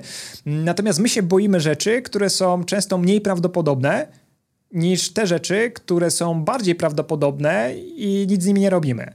E, ten lot samolotem przez niektórych uważany jako taki straszny, no często jest najbezpieczniejszy. No może teraz w sytuacji covidowej dochodzi nam nowa warstwa zagrożenia, ale jeśli chodzi o takie typowe awarie samej maszyny czy błąd pilota, no to latanie jest najbezpieczniejszym środkiem transportu. E, a samochód? No nie. A jednak wiele osób bardziej komfortowo czuje się w samochodzie. E, I tutaj podobnie z tym Pegasusem. My się boimy tego Pegasusa, będziemy robili wszystko, żeby się przed nim zabezpieczyć, stosując jakieś tam różne myki, Natomiast może powinniśmy się zabezpieczyć e, przed twórcą aplikacji jednej czy drugiej, którą mamy zainstalowaną na smartfonie, która Pegasusem nie jest, ale sięga po nasze dane, dlatego że na tych danych zarabia, wykrada książki kontaktowe. Niech sobie e, nasi e, widzowie popatrzą na Messengera, popatrzą na Instagrama, czy zezwolili tym dwóm aplikacjom na dostęp do książki kontaktowej. Jeśli ci widzowie mnie znają, mają mój numer telefonu w swoich książkach kontaktowych i się na to zgodzili, no to dlaczego to zrobiliście? Ja na to nie chciałem. Ja nie, ja nie chciałem, żebyście czegoś takiego robili, żeby Facebook miał mój numer telefonu, a wy bez mojej wiedzy, bez mojego pytania mnie o zgodę, tak naprawdę daliście Facebookowi moje dane. Możemy dbać o nasze bezpieczeństwo, my. Ale w dzisiejszym świecie tyle informacji na nasz temat mają nasi bliscy znajomi, że to jest niemożliwe, żeby zachować prywatność, jeśli się nie siedzi y, gdzieś w jaskini bez dostępu do internetu i nie ma się żadnych znajomych. Bo a to ktoś zrobi zdjęcia, a to ktoś wrzuci jakąś informację. No, ludzie mają różny mm, poziom e, akceptacji ryzyka czy prywatności. Coś, dla, co dla niektórych jest nieakceptowalne, typu wiesz, wrzucenie na przykład zdjęcia dziecka e, na Facebooka dla swoich znajomych. E, niektórzy rodzice się chwalą, chwalą swoimi dziećmi. Pytanie, co te dzieci im powiedzą za parę lat, a niektórzy tego nie robią. I ci, którzy tego nie robią, nie wrzucają na przykład zdjęć swoich dzieci do internetu, e, często na jakichś wspólnych imprezach, grupach muszą się stresować, albo dbać, albo wychodzić na dziwaków, e, kiedy mówią e, reszcie rodziców, którzy trzaskają zdjęcia smartfonami na prawo i lewo, tylko nie wrzucajcie zdjęcia mojego dziecka do internetu. Dlaczego to jest istotne? No dlatego, że dziecko nie dziecko, rysy twarzy to rysy twarzy, gdzieś już każde zdjęcie może zostać przeanalizowane. Jeśli nie wprost przez Facebooka, bo wyłączyliśmy sobie profilowanie biometryczne, możemy to zrobić, na szczęście. Kiedyś nie mogliśmy, teraz możemy. Pytanie, czy Facebook słucha tej opcji, czy poprzednie algorytmy, które zapuścił na zdjęcia użytkowników, rzeczywiście są teraz nieruszane i, nowe zdjęcia przez nie nie przechodzą. Ale e, abstrahując od samego Facebooka, no, zdjęcie, które jest na Facebooku i do którego ktoś ma dostęp, za chwilę może być na innej stronie i mieliśmy przypadki wielu takich firm. Jedna z nich to jest firma z Polski, które kraulują zdjęcia masowo różnych osób, tylko po to, żeby analizować rysy twarzy, a później pozwalać wyszukiwać zdjęcia poszczególnych osób. Więc wyobraź sobie taką sytuację, gdzie ty, dbając o swoją prywatność, jadąc nawet za granicę, idziesz do klubu dla konkretnego typu mężczyzny. Nie chcesz być z tym klubem w żaden sposób powiązany, ale ktoś gdzieś na drugim planie robi sobie, strzela sobie fotkę. I ty mignąłeś, wiesz, tam w tle, ale były twoje rysy twarzy. To zdjęcie gdzieś wyleciało na profilu tej osoby. Zostało skraulowane przez jedną czy drugą wyszukiwarkę internetową rysów twarzy. I ktoś teraz wrzuca twoje zdjęcie z jakiejś konferencji. I nagle znajduje zdjęcie z tego bardzo charakterystycznego klubu za granicą i mówi, kurde, to jest on. To jest on. I czego teraz on się o tobie dowiedział? Być może jakichś twoich preferencji, być może tego, że w konkretnym dniu byłeś w konkretnym miejscu, jeśli to zdjęcie było oznaczone. I nie wiem, co jest gorsze, bo niektórzy na to, e, czy wolą muzykę dyskotekową, czy wolą e, jakieś bardziej rockowe klimaty, mogą machnąć ręką. A inni będą mieli problem z tym, że tego i tego dnia, kiedy on powiedział swojej żonie, że jest na imprezie u kolegi, to był tak naprawdę za granicą w Tajlandii w jakimś klubie. No i tu już może być pewien problem, e, który wyjdzie na jaw. Tak? I to jest, to jest właśnie ten, to piękno, a zarazem no, pewnego rodzaju wbudowane w technologię przerażające które powinno nas ogarniać, jeśli spojrzymy na to, jak pewną, e, pewne aspekty technologii można wykorzystać, nie do tego, żeby czynić dobro, tylko do tego, żeby e, w zasadzie te same algorytmy zaprząc do masowej inwigilacji, czy nawet ciemiężenia pewnych grup etnicznych. E, mamy teraz taką przecież sytuację w Chinach, gdzie mniejszości etniczne przez Chińczyków są namierzane, monitorowane najnowszą technologią, cudowną technologią, no tylko wykorzystywaną właśnie w takich, w takich celach, że mm, słusznie niektórzy mówią o tym, że są to obozy koncentracyjne XXI wieku, um, tylko robione być może e, w bardziej taki, nie chcę powiedzieć humanitarny, ale technologicznie akceptowalny sposób, bo nam spowszedniało to, że wychodząc na ulicę mamy tyle różnych kamer, tak? No sąsiad ma, no dobra, niech się chroni, no przecież ktoś go może obrabować, a to, że sąsiad łapie fragment y, chodnika, no to może za bardzo o tym nie myślimy. Gorzej, jak e, okaże się, że e, ktoś, kto ma odpowiednią możliwość albo przepchnie odpowiednią ustawę, jak już niektórzy próbowali w różnych krajach, będzie mógł e, na podstawie właśnie uprawnień, które posiada, zwrócić się do każdego właściciela dowolnej kamery o to, żeby przekazał mu nagrania z konkretnego czasu, albo co gorsza, nakaże właścicielom każdej kamery odprowadzanie takich nagrań w konkretne jedno miejsce i będzie mieć taki no na masową skalę mechanizm inwigilacji będzie w stanie tropić, śledzić i weryfikować to, co my robimy. I oczywiście sprzeda się to jako no, dla dobra obywateli, żeby weryfikować, czy ktoś przypadkiem nie wyrywa komuś torebki na ulicy, albo jak ktoś porwie dziecko, to tworzymy, kto porwał, gdzie porwał, w którą stronę się przemieszczał z tym porwanym dzieckiem. No ale później może się zdarzyć, że operator tego systemu to jest ktoś, kto e, bardzo e, lubi e, twoją żonę i będzie bardzo chciał zobaczyć, gdzie ona chadza, albo co gorsza, skupi się na tobie, żeby cię w jakiś sposób skrzywdzić i usunąć z tego pięknego obrazka i zauważy, że gdzieś tam coś tam na tej ulicy być może wymieniłeś z jakimś innym człowiekiem, który jest podejrzany i proszę, mamy jakiś donosik. Więc tutaj snujemy takie wizje, ale to niestety jest coś, co technologia będzie umożliwiała i musimy sobie zadać pytanie, jak podejść do wdrażania tych rozwiązań, żeby były one kontrolowane i mogły być wykorzystane tylko i wyłącznie w etycznym e, celu. No i tak e, od e, odpowiedzi na pytanie o, o maila i smartfona doszliśmy do tematu totalnej inwigilacji społeczeństwa. Dobra, to ja jakby nie ma problemu, tematy poboczne i dygresje są jak najbardziej mile widziane. Mm, to teraz wracając do głównego wątku rozmowy. Wyobraźmy sobie, mm, i to jest raczej sytuacja no, typowa, powszechna praktycznie dla każdej firmy. Firma się rozwija, zatrudniamy kolejnych pracowników. Podstawowym wręcz chyba obecnie narzędziem pracy dla większości osób, większości firm jest używanie komputera. To teraz, jak z perspektywy właściciela, na co powinniśmy zwrócić uwagę, wyposażając pracowników w firmowy sprzęt IT? zarówno pod kątem czy, czy samego sprzętu, czy sposobu korzystania z niego. Mhm. Ja Jednym z wciąż niedocenianych e, elementów budowania takiej bezpiecznej infrastruktury dla pracownika jest segmentacja. Niektórzy na początku popełniają taki błąd, że wszystkie komputery, i to pani Jadzi z kadr, pani Haliny z e, księgowości, pana Zbyszka z HR-ów, e, wrzucają w tą samą podsieć. Czyli mówiąc wprost, te komputery między sobą się widzą, mogą wymieniać swobodnie dane, a tak być nie powinno. Gdyby była ta segmentacja wykonana przez nawet podstawowego administratora sieci, powinien mieć wiedzę w tym zakresie, to w sytuacji, w której pani Halina się zainfekowała i jej komputer jest przejęty i ktoś próbuje dostać się na inne pozostałe komputery w firmie, to on będzie ograniczony tylko na przykład do zaatakowania tego jednego działu, tej podsieci związanej z księgowością, bo tam pracuje pani Halina. Ale już nie dotknie HR-u, nie dotknie naszego działu inżynierów, nie dotknie innych elementów. Czy tak nisko poziomowo jest to umieszczanie, można powiedzieć, różnych sieci w ramach jednej infrastruktury. Wiele firm tego nie robi, bo to troszeczkę utrudnia prowadzenie biznesów, na przykład wymianę wewnętrzną, wewnątrz firmy yy, się danymi, plikami, ale da się to zrobić. To po prostu trzeba zasięgnąć opinii opinii osoby, która potrafi takie bezpieczne sieci e, budować. Zresztą to, to, są podstawy takiego, można powiedzieć, networkingu, a nie jakaś zaawansowana e, tajemna wiedza. Druga rzecz to są uprawnienia. Nie zawsze komputery, urządzenia, z których korzystają użytkownicy, są a kontrolowane przez kogoś, b monitorowane przez kogoś, bo kontrola wcale nie oznacza monitorowania. Ktoś może kontrolować na takiej zasadzie, że zdalnie może mi przerekonfigurować coś, żebym czegoś nie mógł zrobić, ale równolegle stale nie patrzy na to, co ja robię na komputerze i nie chodzi mi tutaj o takie patrzenie, że wiesz, patrzy jak ci e, myszka lata na ekranie i co wpisujesz w arkusz kalkulacyjny co 5 sekund i gdzieś zapisuje mm, e, e, kopię tego, co było na ekranie, bo, bo to jest paranoja, chociaż niektóre firmy rzeczywiście coś takiego robią, e, tylko bardziej chodzi o to, żeby monitorować pewne e, objawy e, czy informacje, jakie komputery, w zależności od tego, co robimy, odkładają w logach.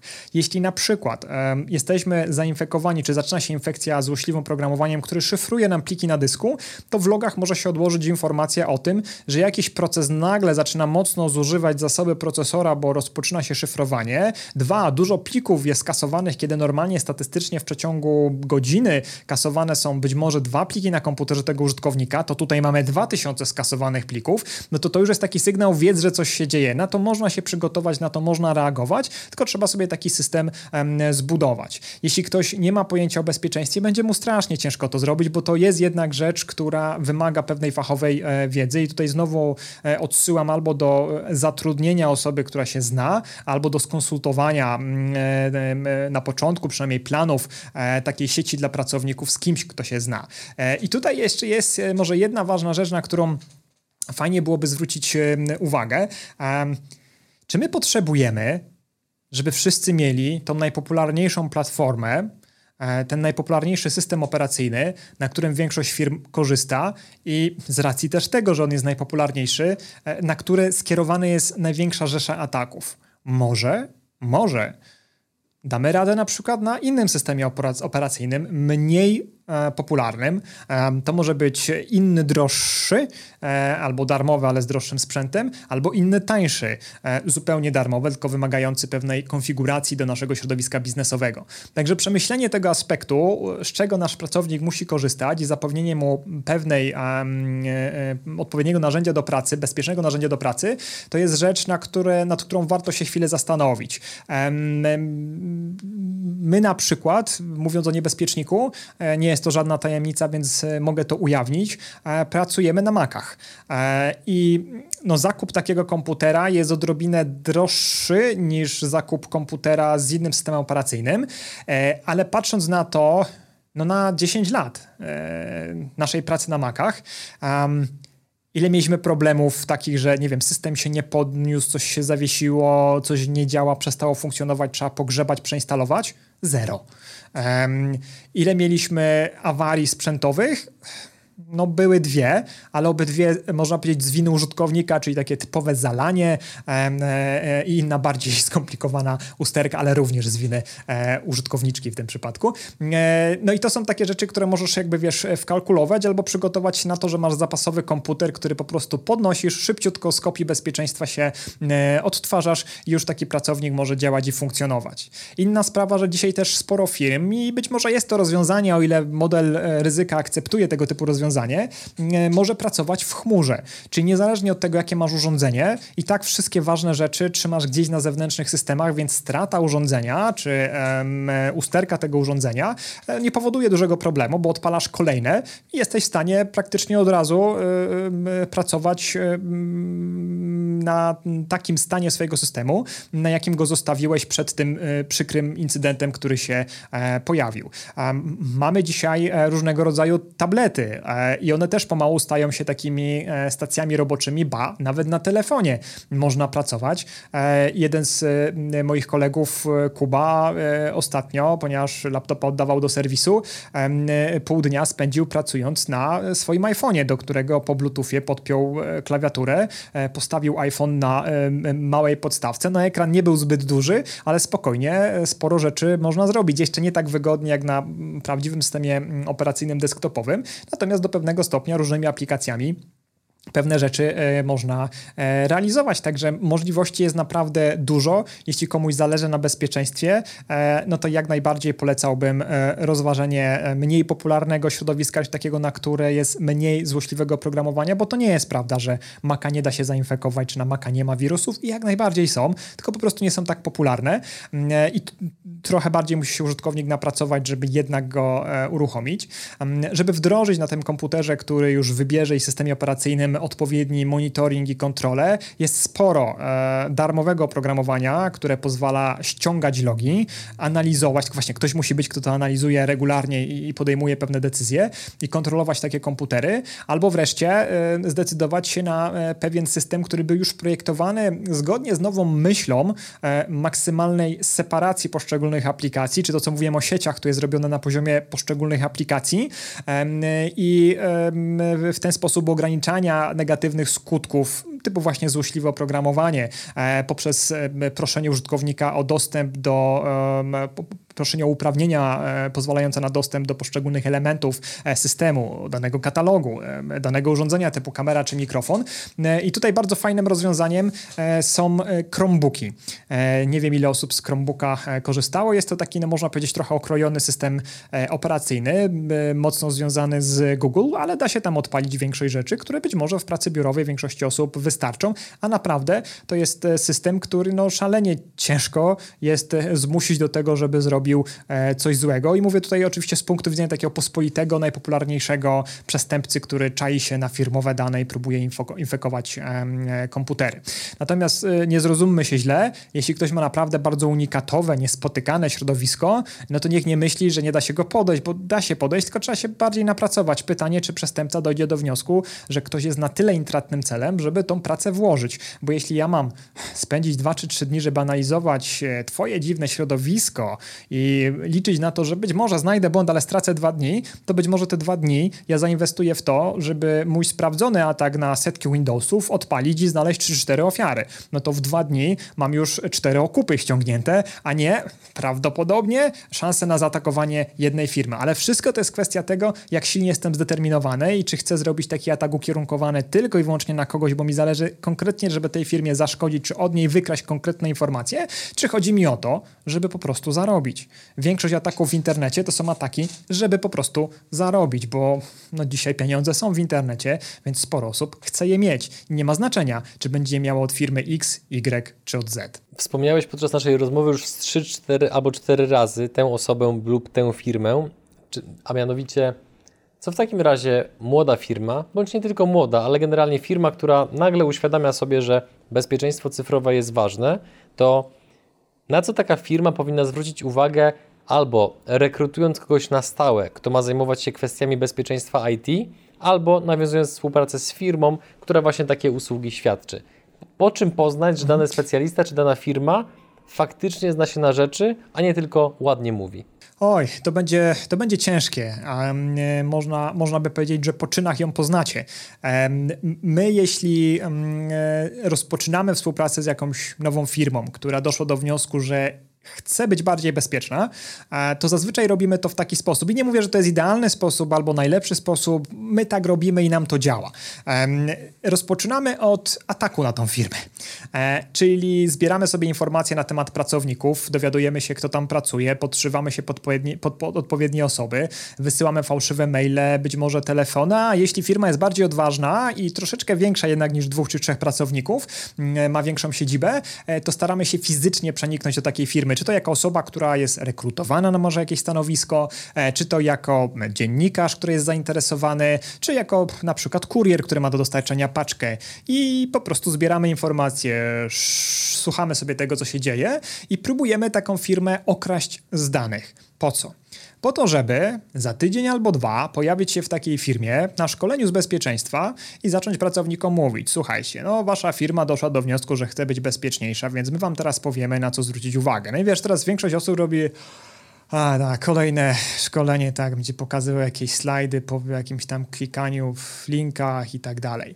Tylko, że y, my mając wcześniej zebrany odpowiedni materiał e, dowodowy, kiedy mówimy o tym, słuchajcie i uważajcie, nie klikajcie na linki, jak ktoś mówi tak, kto by był takim debilem, żeby na taki link kliknąć, no to wjeżdża drugi slajd, na którym już są hasła tych pracowników wykradzione albo konkretne dokumenty. I wtedy widzisz, jak te twarze robią się takie, ludzie pomału dochodzą do wniosku, coś jest nie tak i że już jest za późno i ustawiasz sobie dobry poziom rozmowy, odpowiedni szacunek, można powiedzieć, do prezentującego i pokazujesz im, że dla was już jest za późno, w ten sposób was podeszliśmy, byliśmy tu, dostaliśmy się tak. Nie chodzi o to, żeby pokazać, który z pracowników dał ciała, tylko pokazać, które procesy nie zadziałały, których procesów nie było, co by im pomogło pracowników uczulić i pokazać im, popatrzcie, każdy może zrobić to, co my, bo my nie jesteśmy jacyś, nie wiem, magiczni, mamy, nie mamy dodatkowych zdolności, po prostu sumiennie robimy to, co każdy przestępca będzie robił, kiedy weźmie was na celownik i będzie odrobinę zdeterminowany.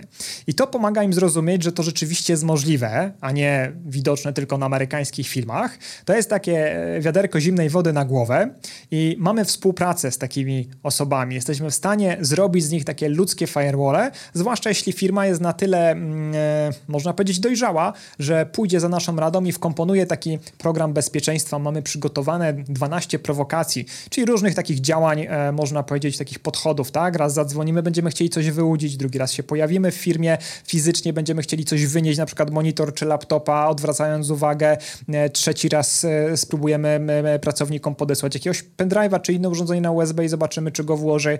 Mamy takie prowokacje. I my zazwyczaj pod koniec takiego szkolenia mówimy, mówimy, słuchajcie, y, to, to, to, was zaatakowaliśmy, mm, teraz was nauczyliśmy, jak się nie dać zaatakować, e, ale spodziewajcie się nas, bo my wrócimy. Raz na miesiąc przez najbliższy rok będziemy się pojawiali. Miejcie oczy szeroko otwarte, nie powiemy wam kiedy, nie powiemy wam jak, będziemy was atakowali.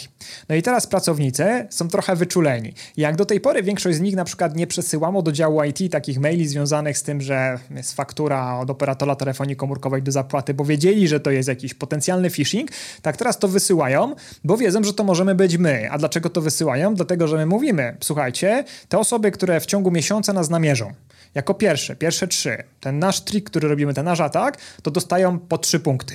Pod koniec roku sobie podsumujemy te punkty i tutaj wasz prezes czy zarząd powiedział, że ten, kto ma najwięcej punktów, zmieni samochód najlepszy. Dostanie darmową wycieczkę z osobą towarzyszącą na trzy dni do jakiegoś fajnego hotelu. Albo dostanie nowy telefon służbowy, lepszy model. No w zależności od budżetu firmy różnie te nagrody wyglądają, ale to motywuje pracowników do e, takiej, można powiedzieć, zdrowej rywalizacji.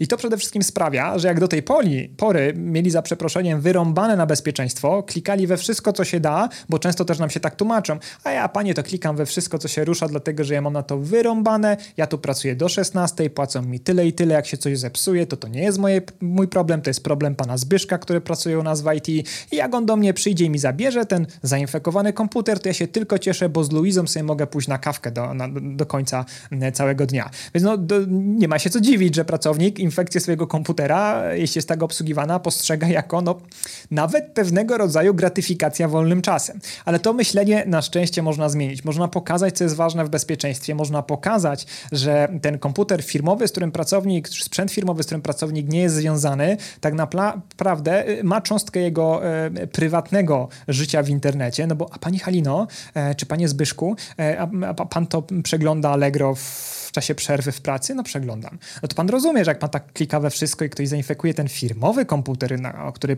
pan tak nie dba, to on też będzie mieć dostęp do pana Allegro, tak? I zobaczy, co pan tam kupuje. A pan podpina czasem e, e, smartfona do ładowania pod e, firmowy komputer pod USB, żeby tak podładować swój prywatny telefon? Tak, no jasne.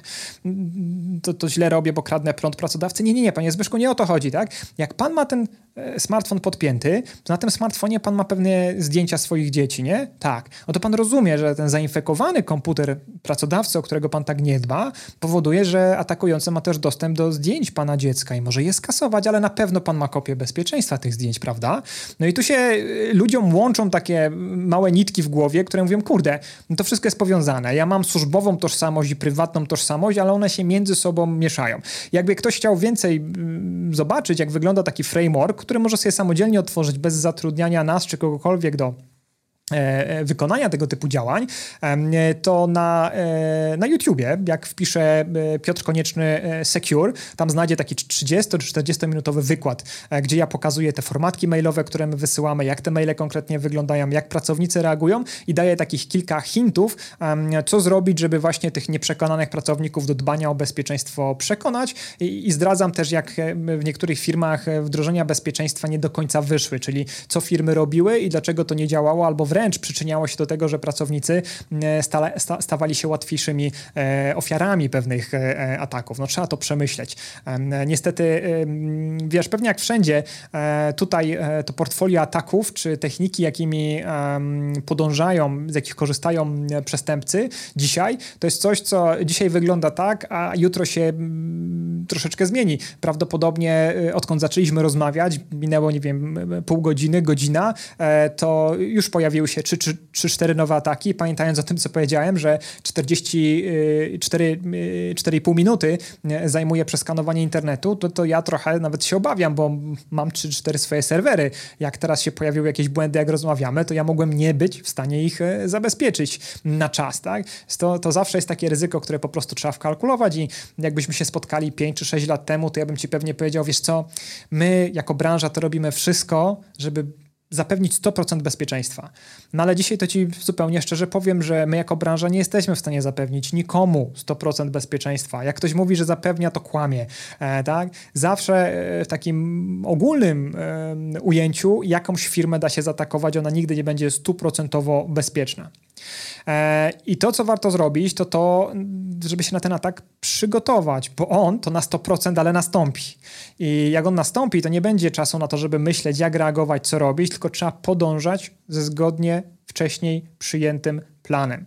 Przygotujcie się na to, na ten atak, który nastąpi, na ten może wyciek danych, e, może utratę części infrastruktury, bo to jest coś, co, co się zdarzy i dzisiaj poznaje się bezpieczną firmę nie po tym, że się zabezpieczyła przed atakiem, bo atak dosięgnie każdego, tylko po tym, jak taki atak obsłużyła, jak szybko go wykryła, jak dobrze na niego zareagowała, czy odpowiednio wyrugowała przestępców atakujących z tego i z tego systemu, czy może gdzieś tam czegoś nie dopatrzyła i zostawiła tych atakujących w swoim jednym z systemów, a zaorała, przeinstalowała inne i myśli, że jest bezpieczna, a tu guzik, bo oni dalej są. Więc to jest tak naprawdę e, podstawa. Jak najszybsze wykrycie, jak najszybsza, ale poprawna reakcja. No i żeby to umieć zrobić, to niestety trzeba mieć e, jakby pewne doświadczenie i doskonale rozumiem, że większość tych firm, mm, które startują tego doświadczenia nie będą miały i muszą polegać albo na takich rozwiązaniach chmurowych, gdzie outsourcują tego typu ryzyko i tego typu problemy na dostawców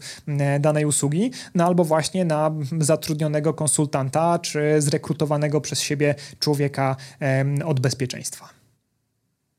To ja ten temat pociągnę, ponieważ powiedziałeś przed chwilą, że firmę, która odpowiednio podchodzi do kwestii bezpieczeństwa, przede wszystkim poznaje się po tym, jak ona reaguje na atak. Więc jak powinno się reagować na atak oraz czego nie powinno się robić. Mhm. Wiesz, każdy atak czy każdy incydent, bo to nie tylko, jakby incydentem bezpieczeństwa nie tylko będzie atak, tak? Czasem pracownik dokona e, wycieku i też mówimy o incydencie, na który trzeba szybko zareagować, a niekoniecznie nas, e, można powiedzieć, ktoś zaatakował. E, ale generalnie ta, ta reakcja powinna być stanowcza, szybka, no i trochę wcześniej przemyślana. My możemy sobie wyobrazić, co nam może się zdarzyć. Jak ktoś nie ma wyobraźni, niech wejdzie na niebezpiecznika i pod tagiem ataki przejrzy sobie, jakie były ataki na przestrzeni ostatnich dwóch lat, na jakie firmy i będzie mieć dobre wyobrażenie. Niech wpisze w wyszukiwarce na niebezpieczniku nazwę swojej konkurencyjnej firmy i zobaczy, czym konkurencja już oberwała. To też mu da e, pomysł na to, jak w tej danej konkretnej branży te ataki wyglądają, bo w różnych branżach mogą być te ataki oczywiście trochę e, różne od siebie. Ale przede wszystkim e, nie chowają chowajmy głowy w piasek. Ludzie dzisiaj, ci oczywiście bardziej rozgarnięci, um, oni wiedzą, że każdy może popełnić błąd. I jeśli taki błąd firma popełnia, znika nagle z internetu i powie: Słuchajcie, jesteśmy atakowani, przepraszamy was, walczymy, to w większości przypadków będzie miała raczej pozytywny oddźwięk, wsparcie. Oczywiście zawsze będą osoby, które są zdenerwowane całą tą sytuacją. E, ale jeśli taka firma nic nie powie, albo co gorsza, będzie mówiła cokolwiek innego niż w rzeczywistości się stało i ktoś ją złapie na kłamstwie, no to taka firma traci zaufanie, jest spalona i wręcz daje argumenty zarówno konkurencji, jak i różnego rodzaju, na przykład dziennikarzom, żeby taką firmę piąstkować, żeby dociekać, e, żeby traktować z dużym dystansem to, co ta firma mówi, a być może później też to, co ta firma robi. Spotykamy się teraz, kiedy jesteśmy no, kilka dni po ataku na Garmina. E, Garmin jest firmą, która popełniła moim zdaniem e, trochę błędów przy obsłudze incydentu. Dla tych, którzy nie wiedzą, infrastruktura Garmina została zaszyfrowana e, złośliwym oprogramowaniem, czyli prawdopodobnie jakiś pracownik, no jeszcze nie ma szczegółów, kliknął nie tam, gdzie powinien kliknąć i się właśnie rozprzestrzeniło coś. Nie wiemy jak bardzo, czy tylko po jednej podsieci, jakiego działu, ale firma i tutaj dobry ruch wykonała, wyłączyła wszystko. No bo mając informację o tym, że coś złego się dzieje i nie wiedząc, co złego się dzieje, bo być może systemy monitoringu nie były na tyle precyzyjnie zestrojone albo przekazywały niewiarygodne informacje, był kompletny shutdown, wszystko wyłączone. No to klienci teraz e, żartowali, że nie będą wiedzieli, czy dobrze spali, bo zegarki przestały im mówić, czy dobrze śpią, dlatego że okazało się, że część z tych zegarków, żeby dobrze wyznaczała pewne parametry albo dawała dostęp do historycznych danych, no to musi się połączyć z chmurą, tak? Do, takich czasów dożyliśmy, że e, często funkcjonalność, którą mamy na nadgarstku jest niepełna, e, jeśli nie ma tego serwera gdzieś w internecie. No on przez chwilę był wyłączony, przez chwilę, znaczy przez kilka dni. E, Garmin był szantażowany, wyszła informacja mm, o tym, że muszą zapłacić mm, równowartość 40 milionów złotych e, gangowi, który jest wiązany z Rosją i który jest na liście sankcji Departamentu mm, chyba Ministerstwa Wewnętrznego, odpowiednie Ministerstwa Wewnętrznego w Stanach Zjednoczonych. I jak ktoś zapłaci, no to teoretycznie sam może e, ponieść pewne sankcje, więc też tak trochę w kropce. Pytanie teraz, czy jak jesteśmy zaszyfrowani, szantażowani, to czy to wspieranie finansowe sankcjonowanych firm przez okup to też jest wspieranie, czy nie? No to już bardziej pytanie do prawników. No, nie zawsze jesteśmy być w stanie, jesteśmy w stanie się przygotować na każdy aspekt e, e, jakiegoś, jakiegoś problemu. To bardzo często bezpieczeństwo to jest odkrywanie takich białych plam na mapie, zarówno prawnej, jak i technologicznej.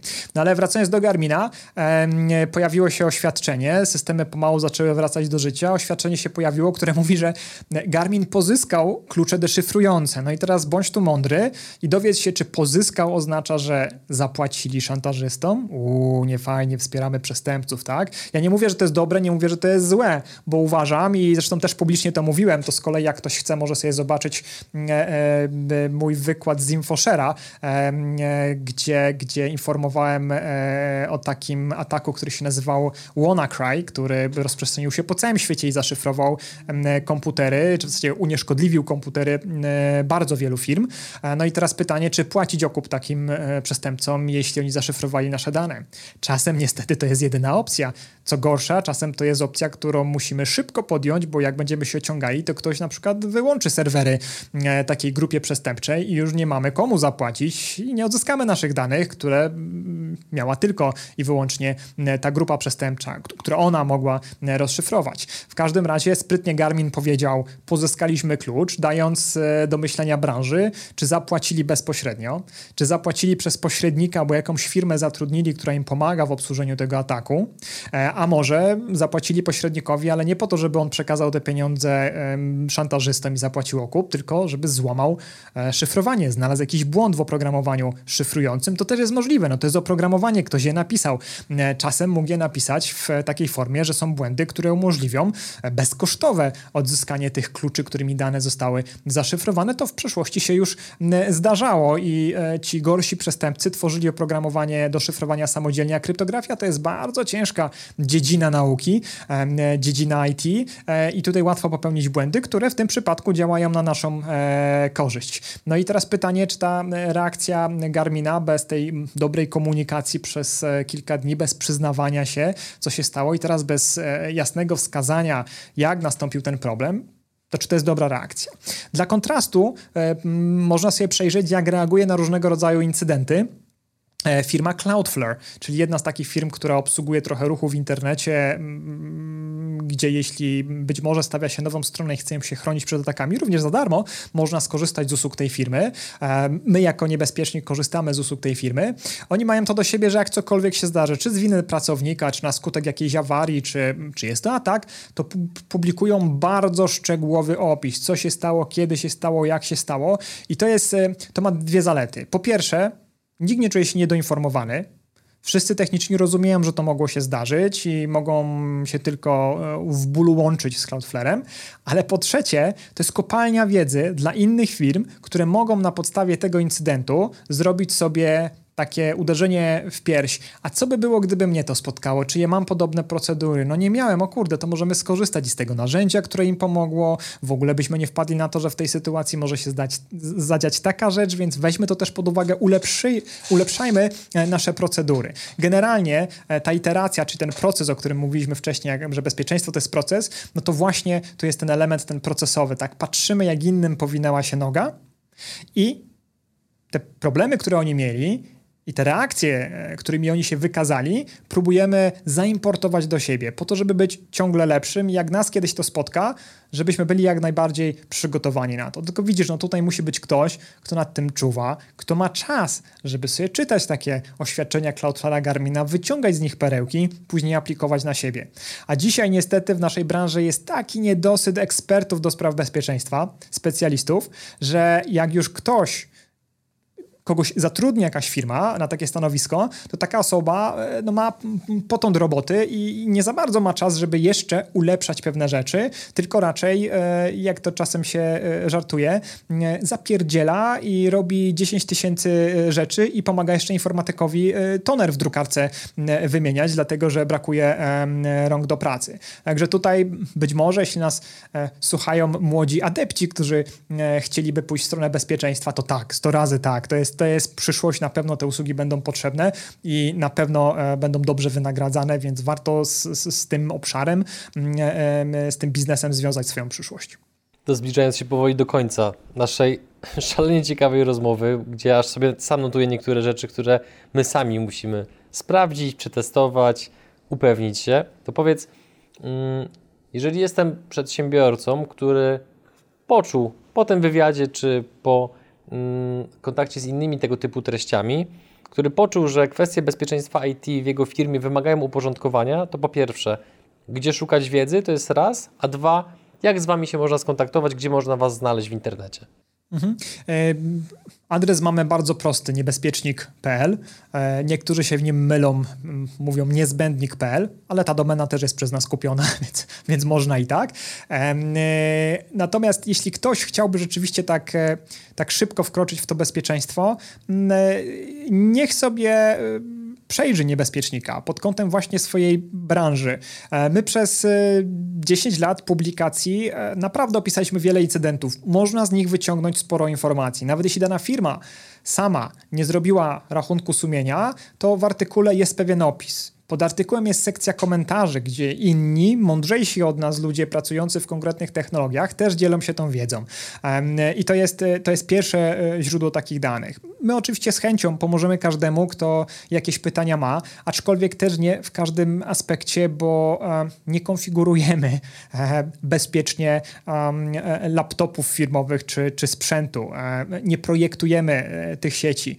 Stawiamy się w takiej bardzo wygodnej pozycji osoby, która E, przychodzi na coś, co jest gotowe albo nie gotowe w jakimś stopniu, rozjeżdża to i mówi, tu jest źle, tu mogłoby być lepiej, więc to jest no super komfortowo, można tylko krytykować, za nic się nie bierze odpowiedzialności. To jest nasza rola i my jakby do tego się ograniczamy, natomiast jak najbardziej możemy skonsultować e, pomysły, e, które ktoś ma i podpowiedzieć, gdzie szukać informacji albo skierować do odpowiednich firm, usług, e, na przykład online'owych, które dany problem rozwiążą albo niskokosztowo, albo wysokokosztowo, w zależności od tego, kto czego potrzebuje. Na rynku bezpieczeństwa naprawdę są usługi na każdą kieszeń. I darmowe, takie przy których niestety często trzeba się trochę więcej napracować, i bardzo wysoko płatne, na które pewnie większość osób e, zaczynających przygodę z biznesem jeszcze nie będzie stać. Ale być może warto zastanowić się, czy w przyszłości e, nie budować infrastruktury tak, żeby taki element tego rozwiązania czy tej technologii e, wkomponować, albo nie postarać się, nie postarać się o jakieś e, granty. Ja ze swojej strony, Piotr, i w imieniu widzów e, i w imieniu swoim bardzo dziękuję za rozmowę. Bardzo rzeczowa, konkretna i ciekawa, jak zawsze. Nie wiem, czy to ci twoi rozmówcy mówią, ale za każdym razem, jak rozmawiamy, brzmi to tak, jakbyśmy rozmawiali co tydzień, ale za każdym razem, jak rozmawiamy, to ja się czuję wręcz odrobinę przeciążony informacjami od Ciebie, co jest absolutnie bardzo dobrym i zdrowym sygnałem, więc dziękuję Ci za poświęcenie czasu, za podzielenie się tą wiedzą. Mam nadzieję, że tym materiałem uchronimy jedną, dwie, a może więcej firm od kłopotów, z którymi by się zdarzyła, gdyby ten materiał nie powstał. Bardzo Ci dziękuję i do zobaczenia w kolejnych Dzięki. nagraniach.